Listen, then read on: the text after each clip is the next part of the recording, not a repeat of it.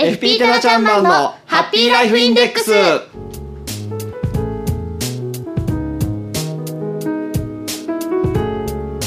タナちゃんマンのハッピーライフインデックス。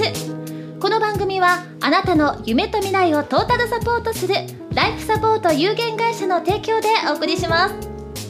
私たちと一緒に明るい未来幸せな生活になるための心の豊かさについて考えてみませんか？番組ではあなたからの質問やご意見も受け付けています。番組の放送中でも大歓迎ですしその他の曜日いつでも OK です。メールで送ってくださいね。たなちゃんマンへの応援メッセージもお待ちしています。宛先は fm768 アットマーク p-wave.ne.jp メッセージの宛先と同じです。fm768 アットマーク p-wave.ne.jp でお待ちしています。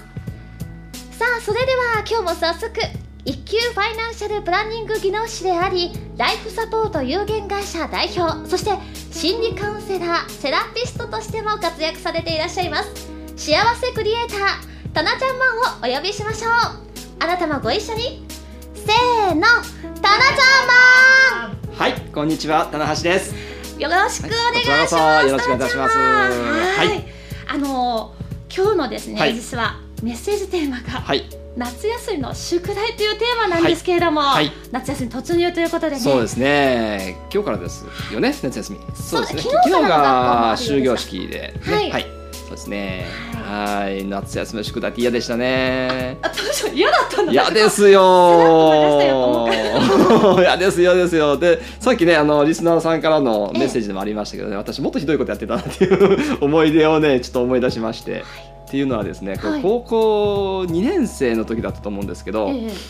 あのさっきのリスナーさんはね2年生になってお移すことをあ出さないっていうことをもね、覚えたというでしたねはい。ねですけど私もですね出さなかったんですね。算数じゃない数学ですね高校生ですからね。数学ですから出さなかったんですけど、はい。問題集が一冊ねあるんですけどね、えもうついに出さなくちゃいけないってなった時にあのどうあのほ真面目に出した、ね、あの友達の問題集が返ってきたんですよ。でその時に出せって言われたもんですからそれをそのまま横取りをしてですね名前書いてある名前を書いてあるところの上にシールを貼ってえはい。でその横に自分の名前をマジックで書いてあ出した覚えがあります。良いこと皆さん真似しちゃダメですよ。はい、したらですねなんとですね、それがバレずにですね通っちゃいましてでなおかつえ。いただいた点数が本人よりも良かったというですねこれあの生放送で全国にあの 放送でそうですね。あそうですね。はい。すみません。こんなやつでもあの、ファイナンシャルプランのね国際資格取れますんで頑張ってくださいみたいな。であの今日はですね第4週目にあたりますのでね。はい心理カウンセラーセラピストとしてのはい。タナちゃんマンに幸せな生活になるための心の豊かさについてそうですね。おあのゆるくこういう感じでいけば豊かになれるのかなっていう感じです。けど、はい。そうですね。あの先ほどもねありましたように夏休み入りましたので、うえーお父さんお母さんね、まあ、ええ。特にお母さんずっと家にいるわけですけど、うんうん。子供さんもねいると普段いない子供がいるとやっぱり嫌じゃないですか。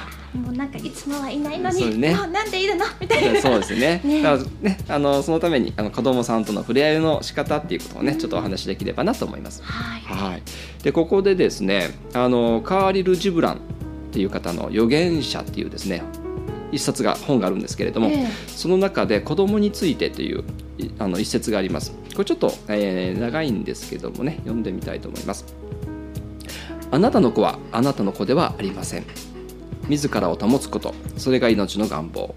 そこから生まれた息子や娘。それがあなたの子なのです。あなたを通してやってきますがあなたからではなくあなたと一緒にいます。それでいてあなたのものではないのです。子供に愛を注ぐがよい。でも考えは別です。子にはこの考えがあるからです。あなたの家にこの体を住まわせるがよい。でもその魂は別です。この魂は明日の家に住んでいてあなたの夢にの夢の中にでもそこに立ち入れないのです。このようになろうと努めるがよい。でもこをあなたのようにしようとしてはいけません。なぜならば命は後へ戻らず昨日と一緒にとどまってもいません。あなたは弓です。その弓から子は生きた矢となって放たれていきます。いて、えー、いる弓をいる人ですね。いては、えー、無垢の童貞にある的を得ながら見ながら、えー、力強くあなたを引き絞るのです。それがそのその矢が早く遠くに飛んでいくためにあの射手に引き絞られることはなんとありがたいことではありませんか。なぜなら射手が飛んでいく矢を愛しているならとどまっている弓を愛しているからです。ということですね。子は子であり自分の所有物ではないですよね。だから自分の所有物って、まあ、言ってしまうとねちょっと言葉きついですけれども、自分があのこうしてほしいああしてほしいってやっぱり子供に対して期待しちゃうじゃないですか。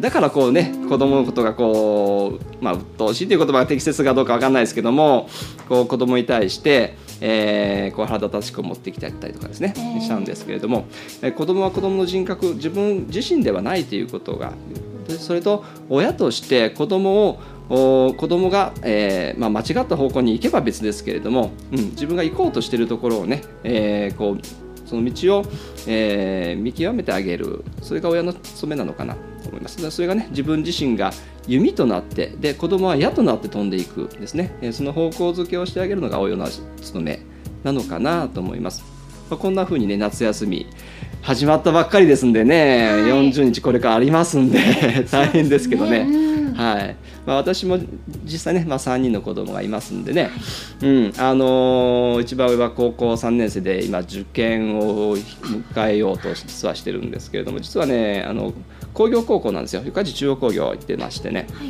えー、高校卒業したら就職進むつもりで本人はえー、行ったんですけれども、まあえー、いろいろなことがあって今ちょっと進学を目指しているということでね、えー、親としてもちょっとびっくりはしたんですけれども、うんまあ、でも本人が目標を持ってねやりたいことがあってやろうとしてるんだから、まあ、別にそれに対して、えーうんあのまあ、本人がね進むべき道を進んでいけばいい。それを親として、まあ、あの見守っていくのが親の仕事務めかなと私は思ってます。だからそんなふうにね夏休みちょっと子供がゴロゴロしてたりとかね あの部屋がね散らかってるのに、えー、何もせずに宿題もせずにやってまあもちろんねその道を間違えないようにねあの宿題やったのぐらいは、ね、いいと思いますけれども追い詰めるようなねことはしないようにしていくのがあいい親子関係をねこの夏休みの間、えー、過ごしていくコツかなと思います。ねもう長いですからね。そうですね。まあ、えー、分からなくもないんですけれども、ね、お母さんがいつもお掃除されてる時にいない子がコロンってしてたら掃除かけてるのにってそうですね。ね宿題もいっぱいあるはずなのにゴロゴロしてねテレビ見てね。大丈夫かなって思っちゃいますけど。大丈夫です。あの人のね宿題にシールを貼って提出しても。はい。こんなふうに なれますんで。あんまりなりたくないかなこんな大人に。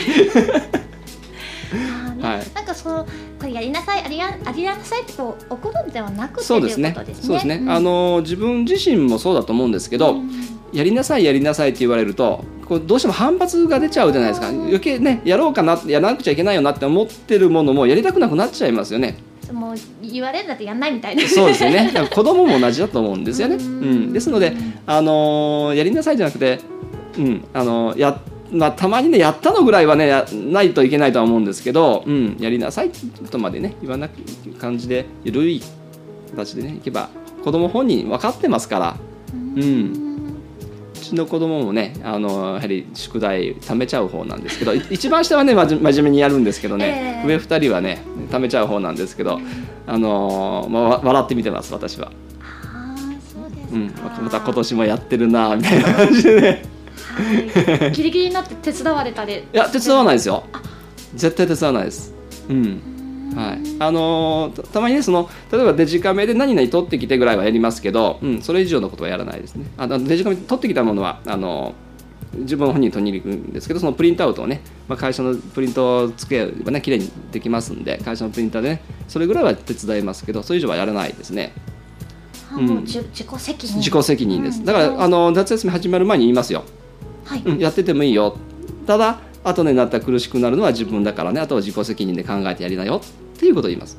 それ以上はもう言わないですね。それが大切なのかもしれませんね、ね、あのもうなんでやらないの？なんでやらないの？じゃなくて、うん。あのやらなかったら自分が大変よ。そうですね。先生怒られちゃうよ。そうですね。いいの？最後夏休み最後にまだもっともっと遊べるのに一、はい。人だけ、そうですね。あのおつお留守番して 宿題やってなきゃいけないけどいいの？みたいなはい。感じで、そうですね。あそれいいですね。ちょっとあのパクらせてもらいますね。今年はちょっと夏休みの一番最後の日曜日ぐらいに遊びに行く計画を立てちゃいましょうかみたいな。今ちょっと思いつきで。あーまあでもその、ええ。頭ごなしに言わない方がそうですね。お子さんも分かってるということですね。うんそうですね、うん、特にもうねあの大きくなった中学生高校生の子供さんでしたら、うん。もう自分でねあの分別つけますからねうん、ええ。まあ、言言い過ぎるとやっぱり反発しちゃいますから。うん。それぐらいの感じでいけば。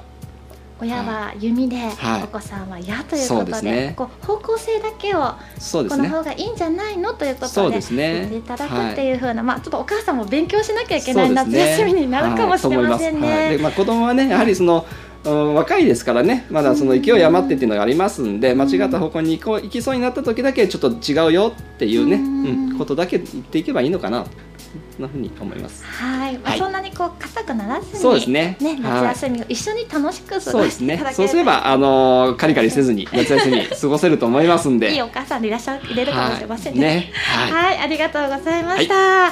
ね、あの皆さん、お母さん特にね、あのこの夏休み始まったばかりですけども、長いスパンで見ていただいてね、ね。お子さんと一緒に楽しい夏休みを過ごしていただきたいなと思います。い。ありがとうございました。はい。で、ライフサポート有限会社のホームページもね、ぜひチェックしていただきたいですね。はい。過去の放送分もお聞きいただけますし、はい。あの検索はねすごく簡単です。はい。タナちゃんマンと検索エンジンに入れてください。タナちゃんマンのちゃんだけがひらがな、い。あとはカタカナになります。はい。またね FM 四日市ポートウェーブのホームページのトップにもこの FP タナちゃんマンのハッピーライフインデックスの紹介コーナーがありましてそこにリンクが貼ってありますのでですね。はい。読んで飛ぶことができますので、はい。ぜひお願いします、はい今日の放送をもう一度聞きたいなという方も後日聞いていただくこともできますしはい。過去のいろんなお話全部聞けますからね、はい。ぜひぜひアクセスしてみてください。タナちゃんマンが次に登場してくれます。8月の第2木曜日。8月12日はですね一級ファイナンシャルプランニング技能士としてのタナちゃんマンが明るい未来幸せな生活になるためのマネーライフのお話をしてくださいます。いぜひお楽しみに。8月12日木曜日4時40分からの放送です。FP タナちゃんマンのハッピーライフインデックス。この番組はあなたの夢と未来をトータルサポートするライフサポート有限会社の提供でお送りしました。タナちゃんも素敵なお話どうもはい。ありがとうございました、ありがとうございそれでは次回8月12日木曜日の4時40分からの放送お楽しみに、はい。バイバイ。失礼します。